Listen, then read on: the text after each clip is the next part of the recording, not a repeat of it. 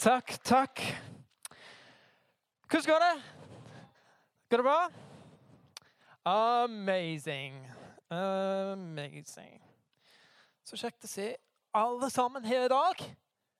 Spesielt deg. All the way from Homersock. Good. Did you have a good 17th of May? Har du spist uh, ice cream? Yes! And, drink, and drinked. Oh, and dr- drunk. Drunke. I don't know what I want to say in English or in Norwegian, so it's uh, just a terrible uh, blending. Oh my lord! Uh, you've drink. Uh, oh, that's so bad. Bad English. Have you had uh, Bruce? wow. The next 30 minutes are going to be exciting. Nei, eh, det er kjekt å bli sammen i dag. Eh, uh, welcome if you are new here or haven't been here in a long time. So glad that you took time out of your schedule to be here.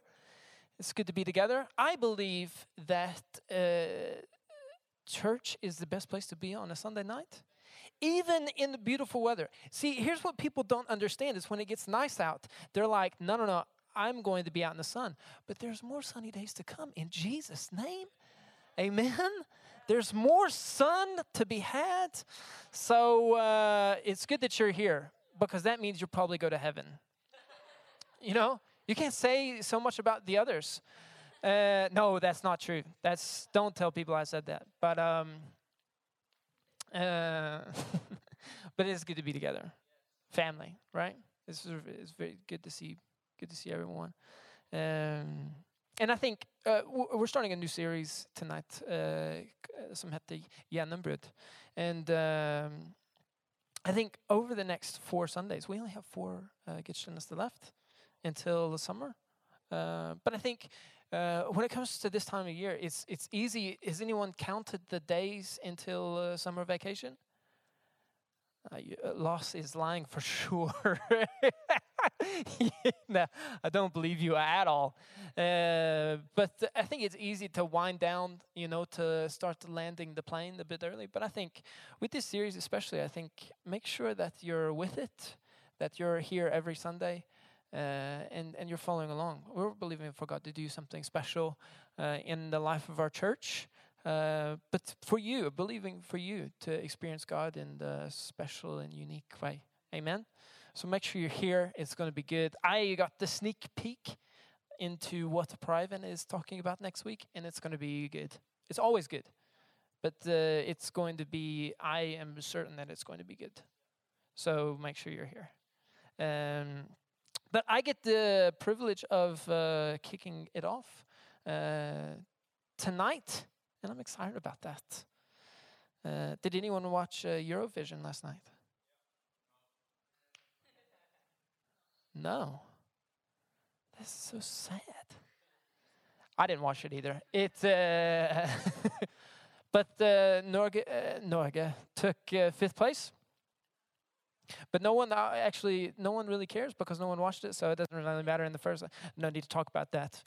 Um, the, the, title of the message tonight is uh, um, "Problem or Promise." If you're taking notes, that sounds so Pentecostal already. Problem or promise. Uh, turn in your Bible, if you have your Bible, turn in the Bible to uh, Numbers uh, chapter 13, the fjerde Moses book. 13. Problem or promise. If you don't have your Bible, we have a big Bible up on the screen. Um, but before we jump into that, um, by a show of hands, uh, raise your hand if you were raised in the Pinsla or if you've been in it for at least three years. Raise your hand. Raise that. Wow, that is a lot of Pentecostals in the house tonight. That's. I was raised in a, a kind of a, a blend of uh, church experiences, uh, but one was definitely Pentecostal. Uh, my earliest church was probably Pentecostal, and um, Pentecostals uh, have a certain Bible verses that we've taken as our own, right? We have these Bible verses like, uh, "Greater is He that is in me than He that is in the world," right? Like that is so Pentecostal, believing in faith. Greater is He that is in me than He is in the world. Or you are the head and not the tail, right? That's mega Pentecostal. That's strictly Pentecostal, right?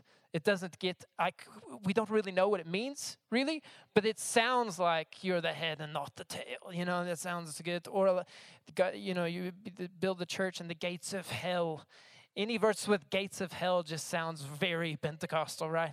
We've taken these verses as our own, as like these these uh, like Pentecostal said, we want these verses. You can have the rest of the Bible, but we're going to have these because this just is so fantastic. So these are ours. And uh, but when it comes to breakthrough, Pentecostals have kind of claimed that as well. And historically, there's there's kind of a reason for that. Whenever we look into uh, the early 90s. Um, we see the Brownsville revival. Um, if if you're a fan of uh, church history, it's a big part of church history. Is the 90s with Brownsville revival. You have uh, Pastor Kilpatrick, and you have these fantastic songs that came out of the Brownsville revival. And if you haven't heard them, then do yourself a favor and look them up because they're amazing. I went down to the enemy's camp and I, does anybody know it? Took back what he stole from me.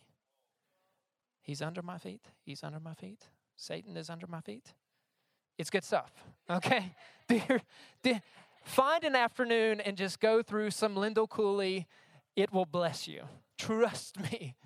Uh, but around the same time as the Brownsville revival, you had the Toronto outpouring, where God moved greatly. If you go back in time, a little bit further, you have the Azusa Street revival, which was fantastic. You had Pastor Seymour, who led the people in some kind of halfway abandoned shack uh, in an office building.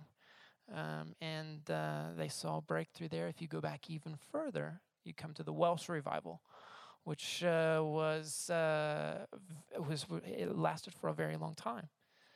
Uh, the point is, is that all of these moves of God uh, weren't necessarily Pentecostal, so to say, uh, but they were characterized by worship and prayer.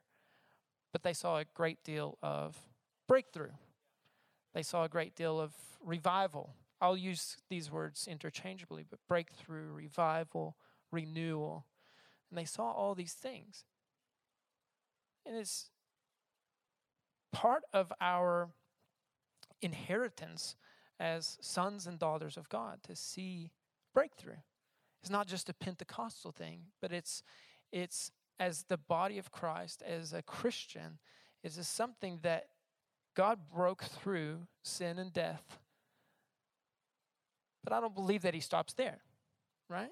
I don't believe that he stops there. I don't think that the power of Christ stops at salvation, but he wants to break through into our, daily, momentary lives to see him be glorified in our everyday. Amen.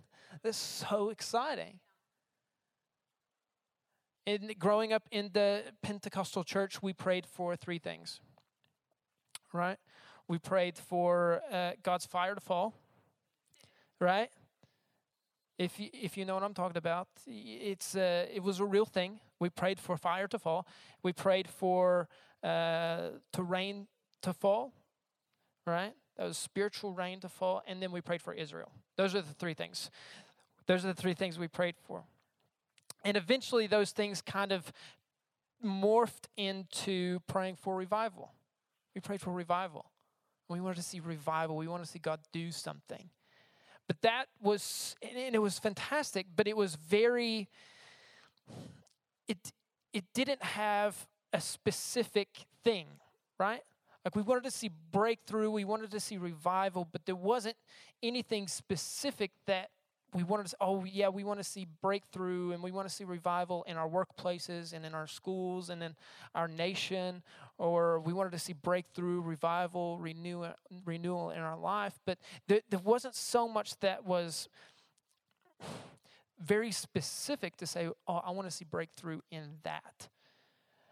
Until I, I remember hearing a message one time, and a guy said, the pastor said, uh, if you want to see revival, if you want to see breakthrough, if you want to see renewal, then it starts with you. And I remember taking that and thinking, oh, but now it's personal. Now it now it has a face, it has a name, and it and it's personal. It's not some out abstract or some far off thought, but it's it's personal. It means something. It's it's it's personal to me. And I think, how do we do that? How do we see breakthrough? And that's what I want to look at for the next little bit. Numbers 13, 17 through 20. Are you ready? When Moses sent them to explore Canaan, he said, Go up through the Negev and on into the hill country. This is when Moses, sorry, context. This is when Moses sent the, the spies in to spy out Canaan. Go into the hill country, see what the land is like, and whether the people who live there are strong or weak, few or many. What kind of land do they live in? Is it good or bad? What kind of towns do they live in? Are they unwalled or fortified? Meaning, are they protected? Are they do they have strong security? How is the soil? Is it fertile or poor? Are there trees in it or not? Do your best to bring back some of the fruit of the land. So Moses sent these 12 tribes to spy out the land. Ch- check it out. Essentially, he wanted to see is this land worth invading? Is it worth trying, is it worth the fight? You know what I mean? Is it worth going up and fighting against and seeing if we can't take this land of our own?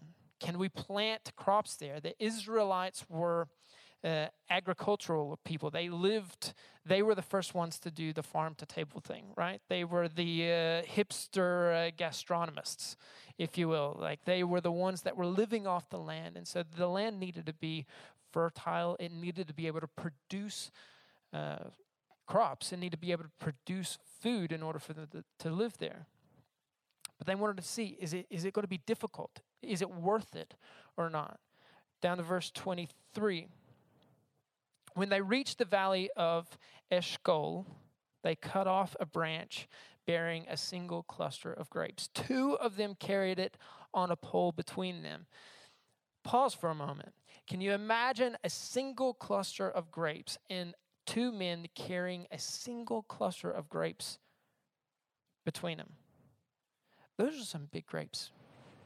Can you imagine sitting down for lunch and eating a half a grape for lunch? It's big grapes. Along with some pomegranates and figs, they the place was called the Valley of Eshcol because of the cluster of grapes the Israelites cut off there. At the end of the 40 days, they returned from exploring the land. Skip down to verse 27. They gave Moses this account We went into the land to which you sent us, and it does flow with milk and honey. Here is its fruit. So they gave the huge grapes to Moses. But the people who live there are powerful, and the cities are fortified and very large. We even saw the descendants of Anak there. Skip down to verse 30. Then Caleb silenced the people before Moses and said, Listen to this. We should go up and take possession of the land, for we can certainly do it. But the men who had gone up with him said, We can't attack those people. They are stronger than we are.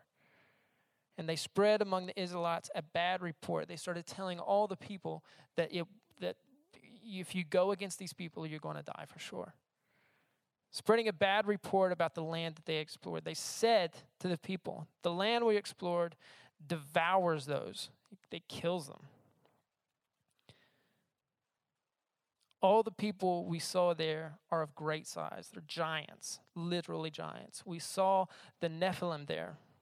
You remember David and Goliath? Goliath was a Nephilim. He was a giant. He was a ginormous, huge man. The descendants of Anak come from Nephilim. We seemed like grasshoppers in our own eyes, and we looked the same size to them. It's interesting whenever you think about the 12 spies. All of them saw a land flowing with milk and honey. It was the best land that they could imagine. These huge grapes, which were very important because they had wine, they needed wine to drink. The land there could produce the crops that they needed to survive. Imagine as well, though, that they hadn't had a proper home for a very long time, right? They had no place to call home, so they were desperately looking for a place to put their roots in, to call home. They wanted a home. And this place was everything that they needed. But they all saw the same things, right? They all saw this land is perfect. But there's these giants here, right? These scary giants that nobody wanted to fight. For the record, I have never lost a fight in my life. Right? Try me, right? I've never lost. I've also never been in a fight. And, and, and, the, and the, the point of the story is that I know how to pick fights. And what I mean by that is just the other night, I w- we came home around 11 o'clock at night. And there was these three rambunctious little pesky kids that were breaking glass on the sidewalk. And I got really angry. And I thought, I should tell them to stop. But then I realized there's three of them and one of me. I've never lost a fight. But they all saw the same thing. They all saw the perfect land. It was perfect for them. It was everything that they needed it to be. They could grow food, they had a future there, they could call it home. It was everything that they needed. But these giants, these problems in the way. I love Caleb. He said, Oh, we can do it. Not, not, only, not only can we do it, certainly. There was some assurance to it, right? It wasn't maybe, it wasn't, I don't know, we'll, we'll try it and see. It was certainly. There was some assurance. There was some, oh, I know that that it's going to be okay. And it wasn't that Caleb didn't see the giants, he saw the giants. He certainly saw the giants. And the question for today is when you look into the future of your life, when you look into the different situations and the seasons of your life, do you see a problem or do you see the promise? Do you see the problem or do you see the promise? Every spy saw the same thing.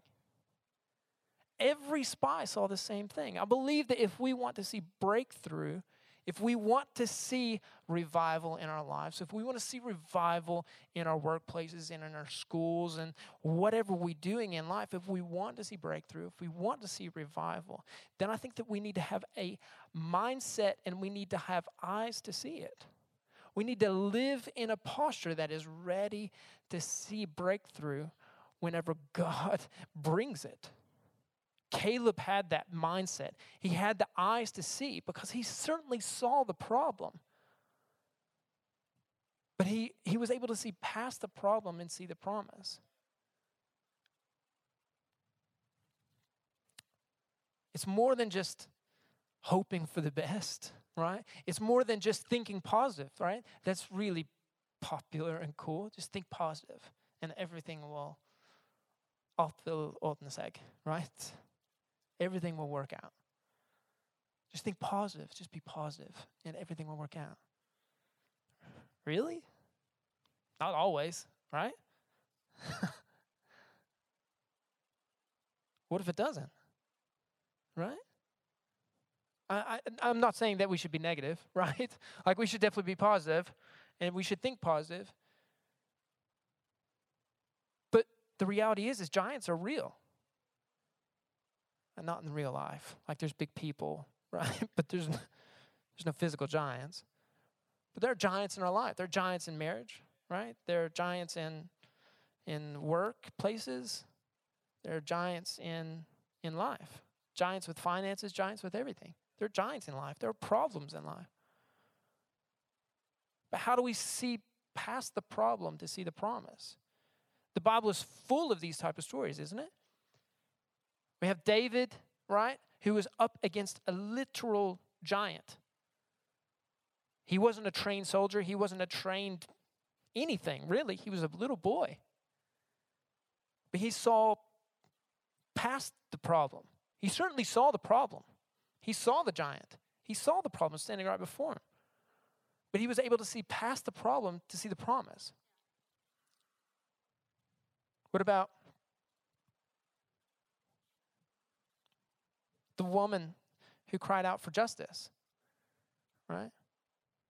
She, she saw the problem. Over and over and over again, she went to the judge asking for justice, crying, asking for justice. And she was never, she wasn't given justice. She cried out, asked, she saw the problem, right? Certainly she saw the problem. But she was able to see past the problem and see the promise. When Moses came to the Red Sea, he saw the, the problem. He saw this massive sea. He saw the problem.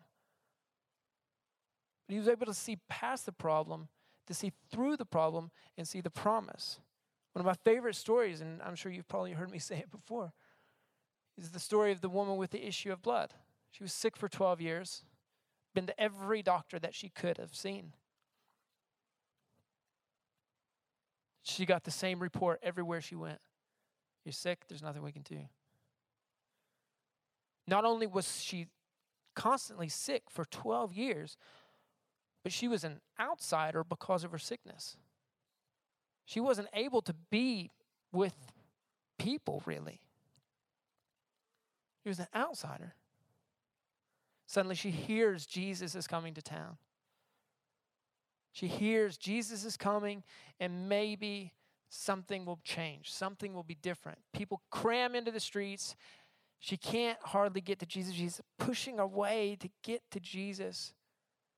And then instantly, 12 years of sickness, 12 years of a problem, she was able to see through her problem and see the promise. If we want to see breakthrough in life, then we need to have eyes that not only see the problem, each of these people saw the problem. There's no sense in ignoring the fact that there's this giant problem standing in front of you. You can't ignore a giant standing in front of you, can you? Can't. Certainly you can't. It wouldn't help you anyway, would it? But we need to have eyes to see through the problem to see the promise.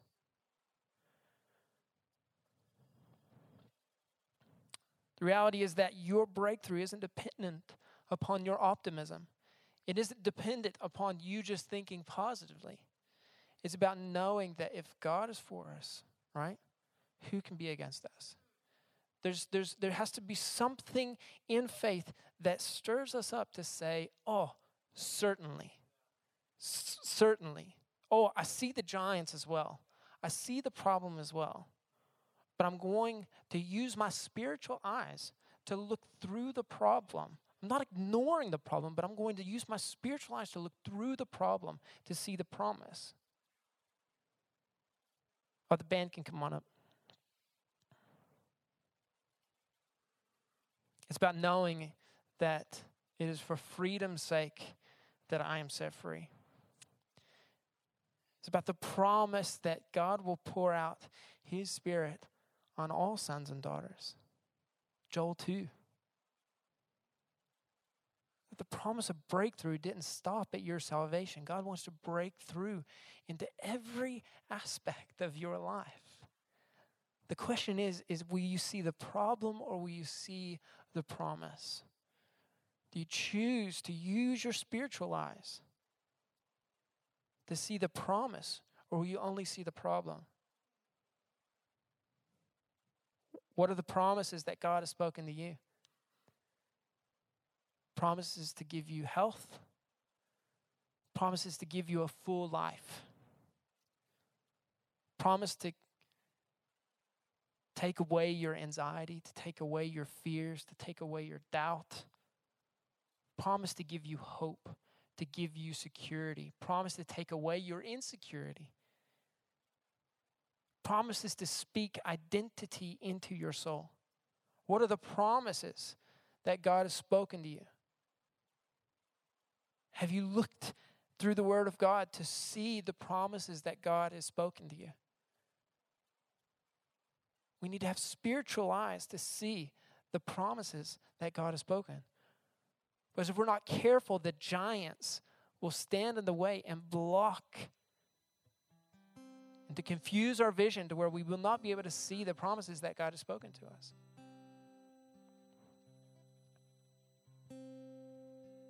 Joseph, Abraham, and David. Joseph, Abraham, and David were spoken promises, weren't they?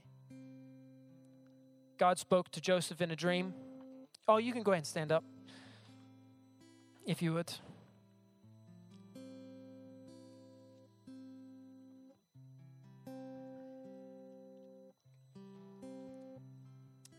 Joseph was spoken to in a dream by God. And in the dream, God said that you are going to be a leader. And then uh, shortly after that, he was sold into slavery, right? Abraham was going to be the father of a nation. But then he went to Ur. Where is Ur? Really sure. Doesn't really matter. But he went to Ur. David was going to be the king of Israel. But he spent most of his life hiding out in caves, fearing for his life. And the reality is, is that you might have taken a detour along the way, but the promise that God spoke to you from the beginning is still very true. Bible says that his words spoken do not return void, they don't disappear the word that God spoke, the promise that God spoke, is very much real, as real today as the day He spoke it. What are the promises that God has spoken to you? What are the things that God has spoken over your life, over the life of your family? It's one thing to pray about revival, it's one thing to pray for breakthrough. But what are the specific promises that God has spoken to you? It's only when it becomes personal and specific, I think, does it, I don't know, makes it a little bit more, you can touch it. I love the stories of these three men because they might have taken a detour, but the promise was still real. And uh, we wanted to leave time at the end of the service tonight to pray for some people. We're going to sing uh, this song again that we sang last. And, uh, you know, if you're here today and you say, I need, I need to see with my spiritual eyes again, I haven't done it in a long time, and I need to see things with my spiritual eyes again. I need to see the promise again. I'm tired of looking at the problem. I want to see through the problem and I want to see the promise. I need breakthrough in my life. One thing about breakthrough is whenever I talk about it, I realize that I need it. Not only do I need it, I, I want it. I want it in my life. I want breakthrough in every aspect of who I am, and I need it. So if there's something specific that you want prayer for, if you want God to break through, we've got some people that, that we've asked to come and pray. And if that's you, as we sing the song, you can come on down front.